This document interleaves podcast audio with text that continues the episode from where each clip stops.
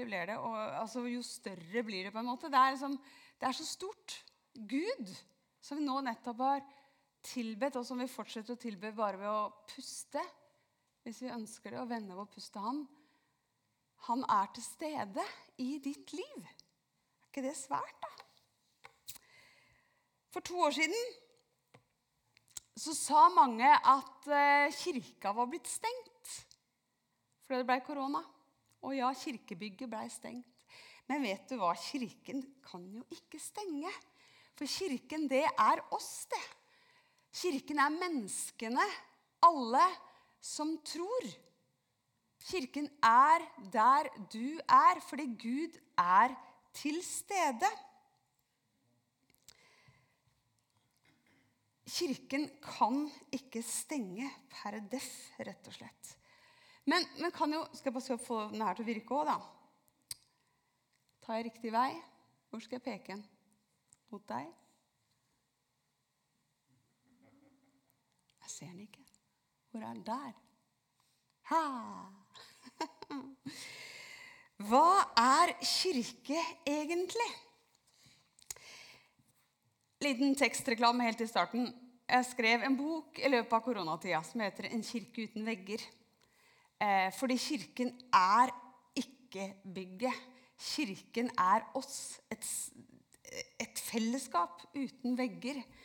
Og i starten av den boka, jeg skal lese litt av det nå, takk, så skrev jeg Hva er det største og viktigste budet? Det var Jesus som fikk spørsmålet av noen som ville sette ham på prøve. Jesus svarte at det aller viktigste var å elske Herren Gud av hele vårt hjerte og vår neste som oss selv. Nå har covid-19 satt oss på prøve, og vi har blitt skjøvet inn i et hjørne der vi er nødt til å finne ut av det samme spørsmålet hva er det aller viktigste? Og igjen er svaret å elske Herren Gud av hele vårt hjerte og vår neste som oss selv. Når alt stopper opp, når vi blir tvunget til å kjenne etter hva som faktisk er det aller viktigste, så er det det vi står igjen med. Elske Gud, elske hverandre. Resten er detaljer. Jeg så et skilt for ikke så veldig lenge siden på Lia gård. Der har de et skilt som ser ut som dette. Der står det 'Bidden or not bidden. God is present'. Gud er til stede enten han er invitert eller ikke. Det er en teolog fra 1400-tallet som har sagt det, som heter Desiderius Erasmus. Fint navn. Hvis noen av dere venter barn, så er det noe å vurdere. Mm. Desiderius. Ja. Eh, Gud er til stede. Enten han er invitert eller ikke. Og når jeg har med meg den sannheten der inn i livet mitt når jeg er på besøk, når jeg går på tur i skogen, når jeg har besøk, når jeg møter folk på treningssenteret Der jeg er, der er Gud. Der du er, er Gud til stede. Den tanken der er helt rå jo mer du lar den, tenke, lar den synke inn. på en måte. Og så, når jeg har tenkt på de tingene her, så, så, har jeg fått et sånn gammelt minne tilbake. Min datter, som er eh, snart 23, når hun skulle bli storesøster, da var hun nesten fire så det er snart 20 år siden, da, så, så husker jeg hun sa en dag Hun så på denne magen med den nye babyen i, i magen min. da, Og så sier hun, 'Mamma, det er godt at babyen er i magen, for da har Jesus noen å leke med.' og det er liksom, Så konkret kan det være. Jeg tror ikke nødvendigvis det var akkurat sånn, men tanken om at Gud er til stede, den var veldig konkret i hennes liv. Og jeg tenker, jeg har noe å lære, Vi har noe å lære av disse barna våre. For selv om ikke folk vet hvem Gud er, vet du hva? Han er til stede. I det mørkeste mørke. I det dypeste dype. Han er til stede også når du ikke kan fatte at det skjer. Jeg skjønner at dere er her fra Ukraina, og jeg bare sier 'slava Ukraina'. Jeg kjenner at det, det gjør noe med meg å høre at dere er her, bare. Men Gud er til stede i Ukraina òg. Hvor svart det enn ser ut. Og det kan jeg bli sånn Åh, men så gjør noe, da. Stans det, liksom. En får jo den følelsen. Jeg hørte en fortelling faktisk fra grensa til Ukraina, mellom Ukraina og Polen, hvor en eh, av de som var kristne og som var der og hjalp, fikk et spørsmål av en av de som ikke trodde på noen gud, og sa åssen i alle dager kan du tro på en gud når du ser det helvete som har brutt løs i dette landet? Hvordan kan du tro at det finnes en gud? spurte han som ikke trodde.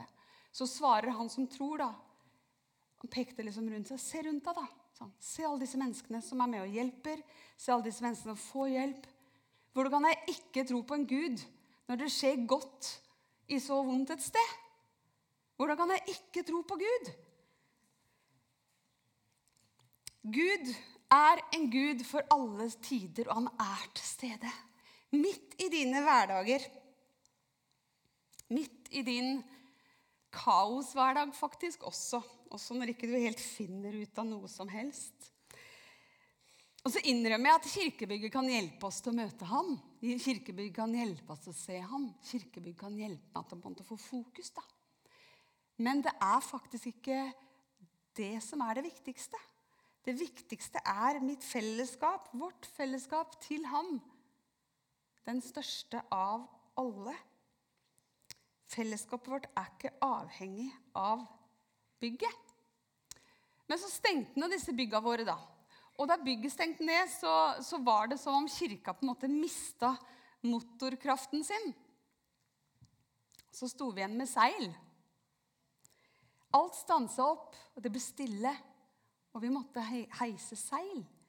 Og jeg tenker at det faktisk er litt bra at det skjedde. Jeg sier ikke at korona var bra, bare så ikke du leser meg det.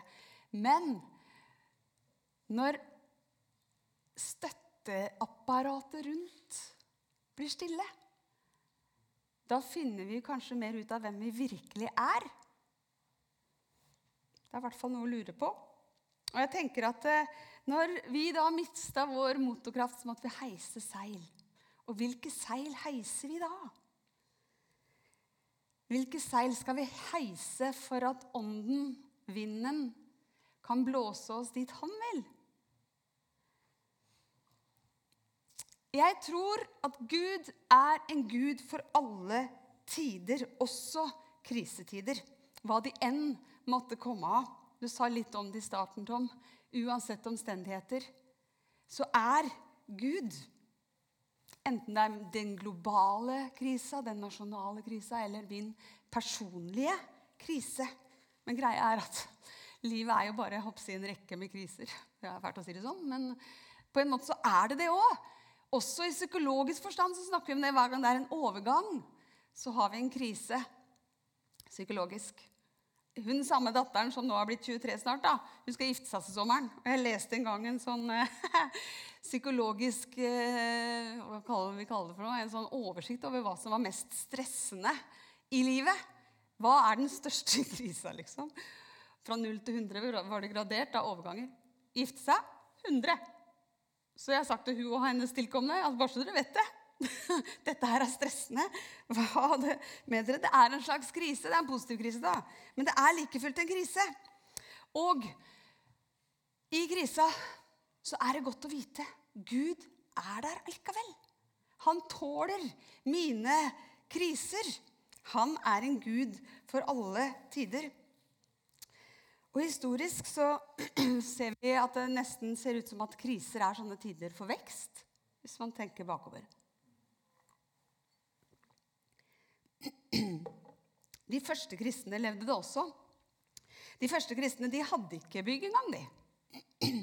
Og grunnen til at de holdt fast i troen, det var ikke Unnskyld meg, jeg må nødt til bare Sorry. Det var ikke at det var så fancy gudstjenester. Det var ikke at det var så fint og flotte, fine og flotte bygg. Men det var det at de hadde sett den levende, oppstandende Kristus. De hadde sett han med egne øyne. Og før han døde, så sa han selv til disiplene at vi går opp til Jerusalem, og alt det som profetene har skrevet om menneskesønnen, skal gå oppfyllelse. Så snakker Jesus om seg selv. Så sier han han skal overgis til hedningene og bli hånt og mishandlet og spyttet på. Og de skal piske ham og slå ham i hjel. Og det er på en måte en grei ting å forutsi, at man skal dø. Men han slutter ikke med det, for han sier på den tredje dagen skal han stå opp. Disiplene skjønte ikke det. Og de forsto ikke det han sa. Det skriver Lukas i sitt kapittel 18. Jesus forutsa sin død, ok, men han forutsa sin oppstandelse også. Og så gjorde han det. Han gjennomførte det. Og så møtte disiplene ham etterpå. De drakk med ham, de spiste med ham, og de tok på ham, de klemte ham, de tilba ham. For de skjønte at han er sannelig Guds sønn. Og det var det som blei på en måte ankerfestet da, hos de første kristne når de møttes. Det var det som gjorde at så mange kom til. Og så var det det som var fellesskapet. Så står det om de første kristne at hver dag holdt de sammen på tempelplassen og i hjemmene, altså ikke i noe kirkebygg. I mange, mange år så trodde jeg at tempelplassen var på en måte kirkebygget. Men det er jo ikke det. Tempelplassen var foran tempelet. Det var det stedet hvor de kjøpte og solgte. Det var stedet hvor folk gikk og var sammen og møtte hverandre. Det var torget. Det var downtown. Dessverre. det var der folk var. Tempelplassen var der folk var. Der møttes de. Og så møttes de hjemmene. Og de ba sammen, og de spiste og lo. De brøt brødet og spiste sammen med oppriktig og hjertelig glede, står det i apostelgjerningene 2. De sang og lovpriste Gud og var godt likt av hele folket. Og vet du hva som skjedde? Hver dag, hver dag la Herren til nye. Det er så fascinerende. De hadde sett og erfart at Gud er til stede alltid, selv om ikke vi ser ham. Og i det der fellesskapet, da, hvor de små og de store og de ungdommene og de gamle og de midt imellom, alle satt rundt disse bordene her, da. Så hører de hverandres fortellinger.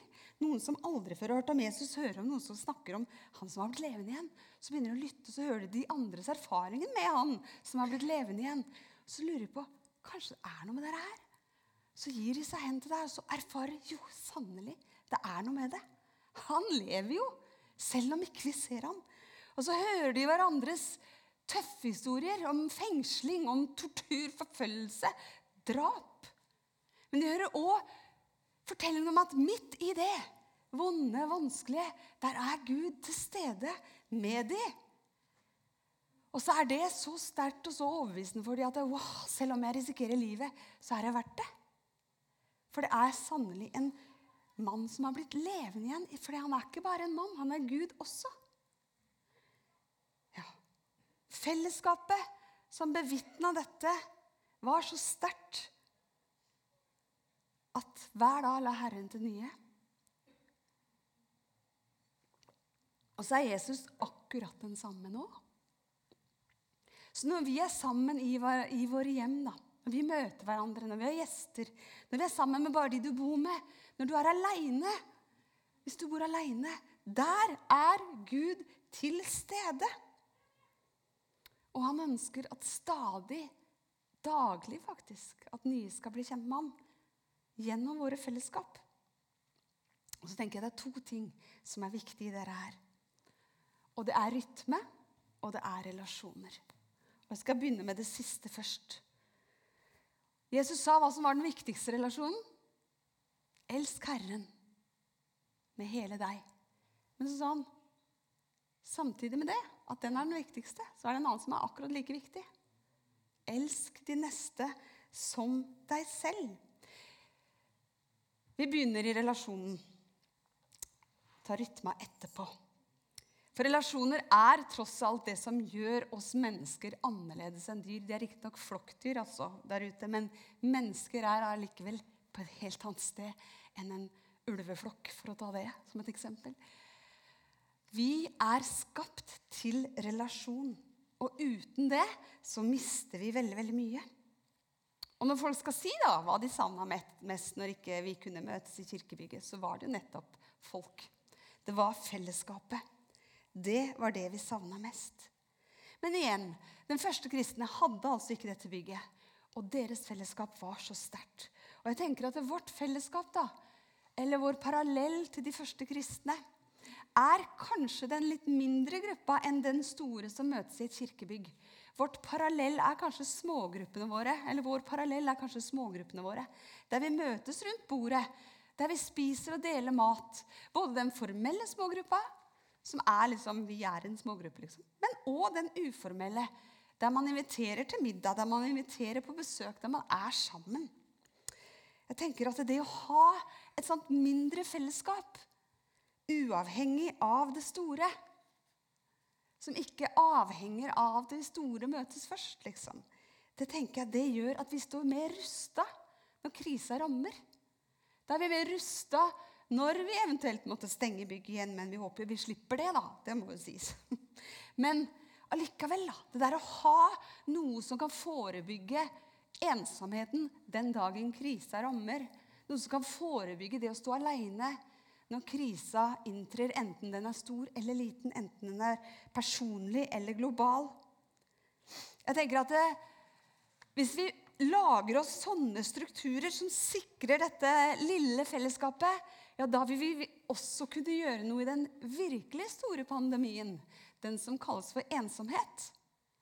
For det er en pandemi som ikke bare går over, tror jeg.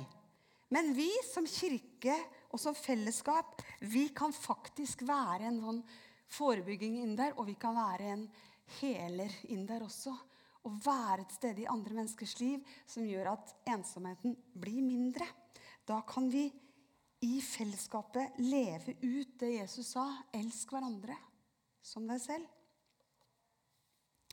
Så det her med å legge opp et løp med smågrupper, eller også da de uformelle Og når jeg sier smågrupper, så mener jeg ikke nødvendigvis at man sitter rundt et bord med stearinlys og kan snakke liksom, og lese og tolke tekst. og sånn. Det er fint. Men ikke nødvendigvis bare det. Det kan gjerne være en løpegruppe hvor du samtaler litt hvis du ikke løper for fort. da, mellommerke. Eller det kan være kokkelag eller syforening eller whatever. da, Hva man liker å gjøre. Mekkegruppe. Noe man er sammen om. Og så I det fellesskapet der så deler man liv.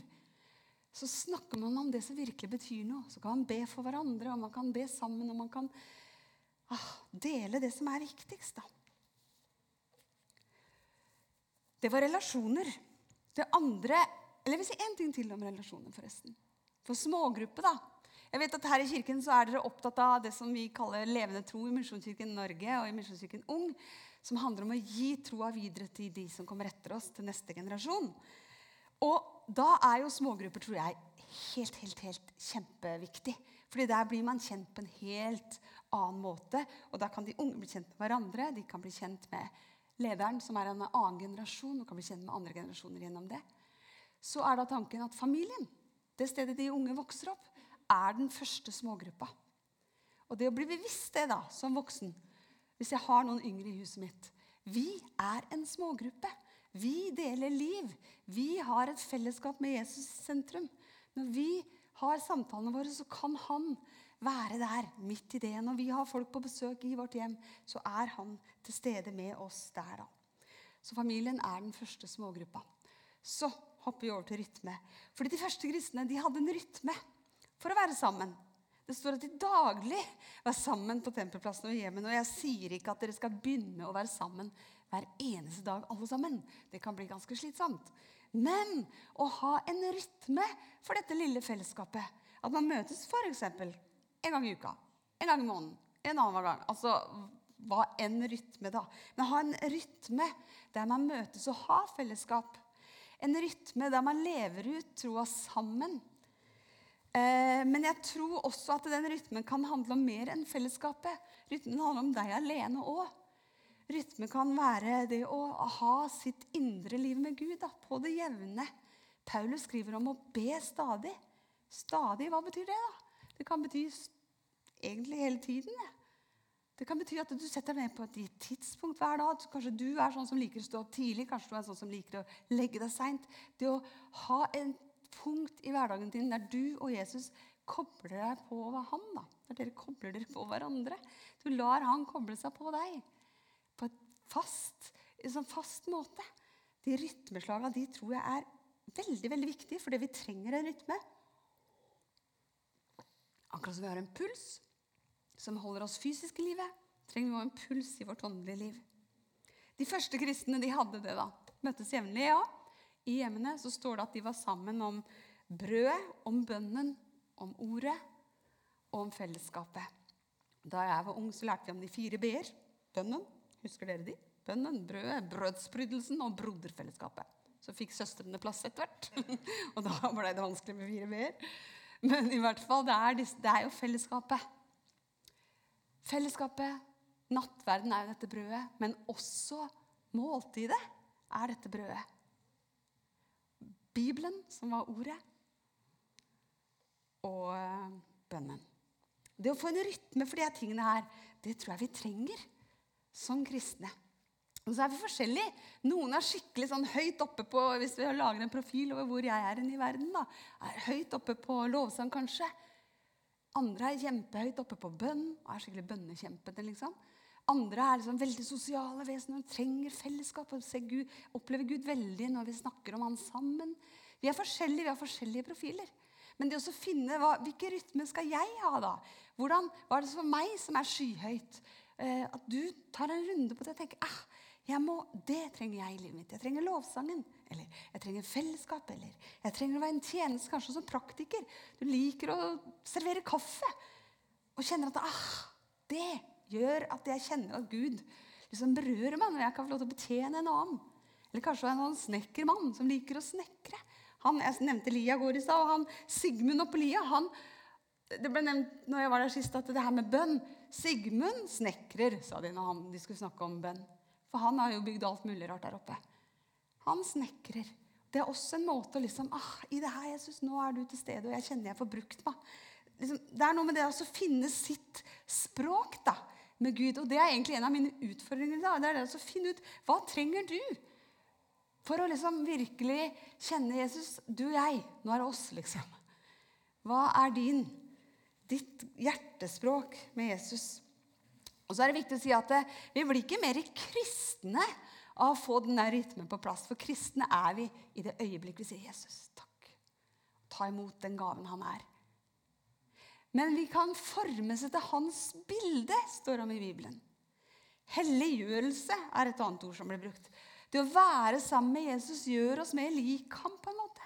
Gjennom det har vi sjanse til å bli mer lik ham. Ikke fordi vi blir feilfri, for det blir vi ikke før vi er hjemme i himmelen.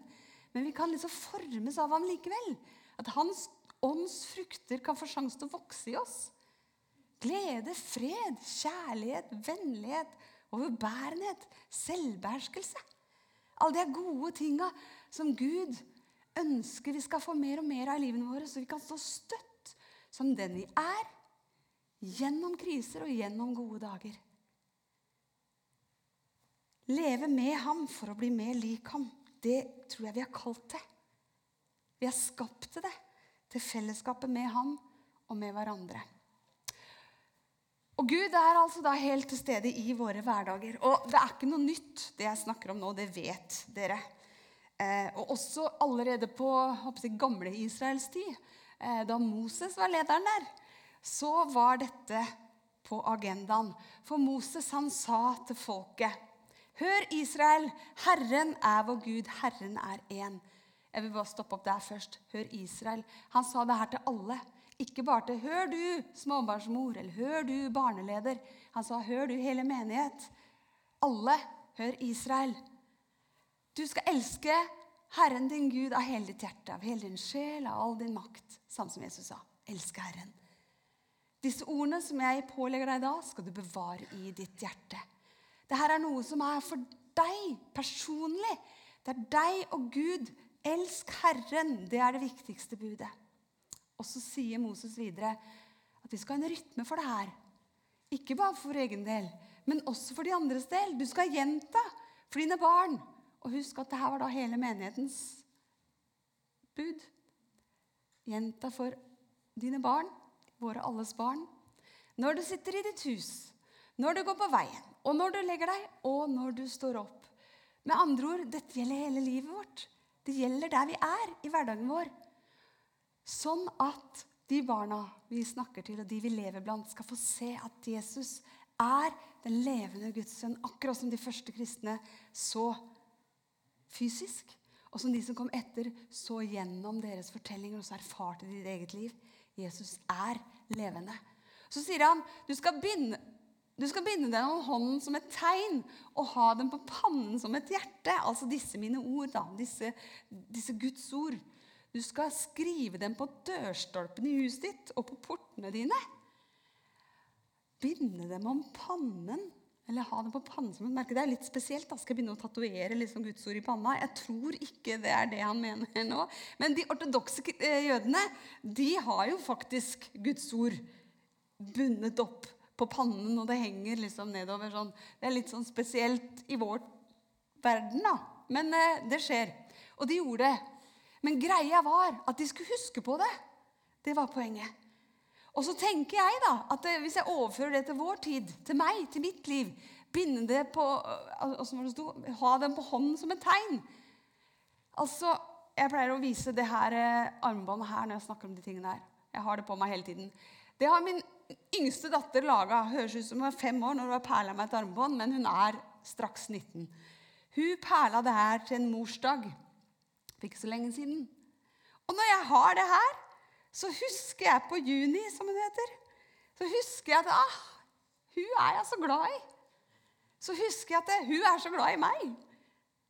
Ha dem om hånden, så vi husker det. Og ha dem på pannen. Tenker jeg overført betydning at Det betyr at da ser andre det. De jeg møter, de leser i mitt ansikt at Gud elsker dem. Men da må jeg først på en måte ha erfart det selv. Jeg må først ha en rytme for mitt eget personlige liv med Jesus. For at det skal kunne synes til andre. Men når jeg har det, så har jeg det, kan jeg ha det om pannen, så andre kan se det. Og samme Skrive det på dørstolpene i huset og på portene. Ja, Det er fint faktisk også å ha litt skilt her og der. det går jo an det. Men også igjen da, hele atmosfæren i hjemmet ditt. La det være prega av at her er Gud til stede. Og når du har disse gjestene, så kan du da be Jesus la de kjenne at du er her. La de merke at du lever, at du er en del av mitt hjem. Så kan du kjenne at det jeg har, det er jo da virkelig ikke mye å skryte av. Det syns ikke han lille gutten som hadde fem brød og to små fisk heller, som kom til Jesus med den lille nistepakka si når det var 5000 som skulle ha mat. Men vet du hva? Det blei nok i bøtter og spann. Tolv kurver til overs. Så hvis du kjenner at ah, det er ikke så mye å skryte av, det er fint, det. Bruk det, da. Det lille. For Gud legger det til sin velsignelse. Han er til stede i ditt liv, i din hverdag, hvordan den enn ser ut. Jeg sa noe om at eh, vi har forskjellige sånne profiler i forhold til åssen rytmeslag vi har. Ja, og for min del, for å fortelle om det Jeg er ufattelig dårlig på å be, for å si det rett ut. Sånn klassisk bønn, i hvert fall. Det der å gå på bønnemøter jeg funker dårlig. Enkelt og greit. Jeg liker det ikke, rett og slett. Det er fælt å si, da. Sikkert. Men det er sannheten. Skal være ærlig. Men jeg liker lovsang. I stad som sagt, jeg forsvant litt inn i min egen lille boble der. Og bare det å sitte og være i den musikken. da. Og så liker jeg å skrive. Så på morgenen når jeg har min lille stillestund Jeg liker å ha det på morgenen. Det har blitt mitt tidspunkt. Så leser jeg litt i Bibelen. Av og til kort, av og til litt lenger. Og så lar jeg tankene gå. Og så lar jeg den pennen få ut de tankene. Og så er det min bønn. Og så gjennom det så får jeg også innspill fra Gud noen ganger. Sånn at eh, jeg føler at jeg får noen tanker som jeg kan skrive ned, som jeg kan lese etterpå og tenke Wow, Gud, det her har du sagt, og ikke jeg. Litt sånn, da. Eh. Så det er mitt bønnespråk. Det er pennen jeg skriver. Av og til litt lite, av og til veldig lite. Andre ganger mer. Og det å finne sin vei i det, da, og ikke tenke at ja, men jeg må bli som han eller jeg må bli som hun. Nei, du må bli som deg. Og la Gud tale til deg på ditt språk. Og det syns jeg gir så stor frihet. Og det får meg til å bare uff, senke skuldrene mine. Så kan jeg bare være i den relasjonen. Og Jesus sier, 'Elsker deg, Linda'. Så kan jeg si tilbake, 'Jeg elsker deg og Jesus'. Og så av og til så kommer det ordløst. Andre ganger kan det komme med tårer. Andre ganger igjen da, pennen eller med musikk. Eller, ikke sant? Vi har, det, varierer ettersom livet farer fram. Når det er vondt, så er det kanskje flere tårer. Kanskje det er bare hyl. Men det er en kjærlighetserklæring, det òg, for du venner det til Gud. Men da vi vender oss, Hvis Gud er her, da Han er jo overalt, det har jeg sagt. Men hvis jeg vil vende ryggen til det og rope det ut andre veien Så jeg velger, men Jesus, jeg velger, jeg velger å gi hva enn til deg. Så er det den relasjonen vi pleier. Så mitt lille spørsmål til deg, eller mine to små spørsmål til deg i dag, er hva trenger du for at din tro skal holdes da levende og varm? For at din relasjon til Jesus skal holdes levende og varm? Og hva trenger du for å bli i Guds kjærlighet? Jesus sa det at det, altså Rett før han dro, da, rett før han skulle bli drept, så sa han i Johannes, og leser du det, hvordan han snakker til disiplene om, om altså, Han vet han skal dø, og han har en kjempelang endetallet i Johannes fra 13, er ikke fra 13 av 14, 15, 16, 17 De kapitlene der Johannes. Jesus sier så mye bra. Og noe av det han gjentar og gjentar, og gjentar er 'bli meg'. Bli min kjærlighet. Bli i min kjærlighet som en grein er på et tre. Bli i meg. Fordi det er det viktigste. Elske Herren vår Gud. Og vår neste som oss selv. Det er først når vi blir i Han, at vi er i stand til å elske vår neste som oss selv også, som vi skal. Så det er det det dypest sett handler om. Så Vi skal straks gå inn i litt lovsang, og du har anledning til å bli bedt for hvis du ønsker det. Du kan sitte i benkeraden, stå i benkeraden og være sammen med Jesus der. Men jeg har lyst til å bare lese to små avsnitt her først, som handler om det her da, usynlige. båndet vi har mellom Jesus og oss. Det usynlige båndet som vi har mellom oss, altså oss og hverandre. Jeg tror på en Gud jeg ikke kan se. Jeg tror på et fellesskap som holdes sammen av usynlige bånd. Jeg tror på en Gud som kan bevege og berøre hjerter. På et fellesskap som kan bli beveget av Gud for at vi skal kunne bevege andre. Lever vi ut dette, så vil Kirken, fellesskapet, kunne vokse seg sterkere gjennom krisetider. For selv om det har vært krise, og selv om det er krise i manges liv, og selv om vi stadig kommer inn i en krise, så betyr ikke det at det, blir, at det, at det, at det er slutt. på en måte. Det betyr ikke at livet med Gud er slutt. Tvert imot. Det betyr at det kan være en ny start, en ny åpning, fordi hvis vi heiser de rette seilene så kan vi erfare åndens vind fylle dem og sender oss dit vi skal. Og med Guds hjelp så kan vi som enkeltpersoner og kirke finne den rette rytmen for det som ligger foran. Vår Gud er en Gud for alle tider. Og for en kirke uten vegger så er kriser en mulighetstid, tror jeg. Så kan vi ikke reise oss, dere? Og så skal jeg be en bønn. Og så tar du med deg disse to spørsmålene. Og Hvis du lurer på hva svaret er, så kan du altså, la, liksom, kjenn etter de følelsene dine. Gud snakker ofte der. Spør Gud, og lytt etter hva du har inni deg, hva han sier til deg. Jesus, jeg takker deg for at du er til stede uansett. Jeg takker deg, Herre Far, for at du er større enn våre utfordringer. Også når de virker umulig å forsere. Du er større, Herre. Og så er du til stede også i det dypeste mørket. Og på de gode dagene er du til stede. Du er til stede i både høyden og i dybden, Herre. Og jeg takker deg for det. Du er hos de som har en sønderbrutt ånd, og du er i det høye hellige. Du er så stor, Gud, og vi får lov til å kjenne deg.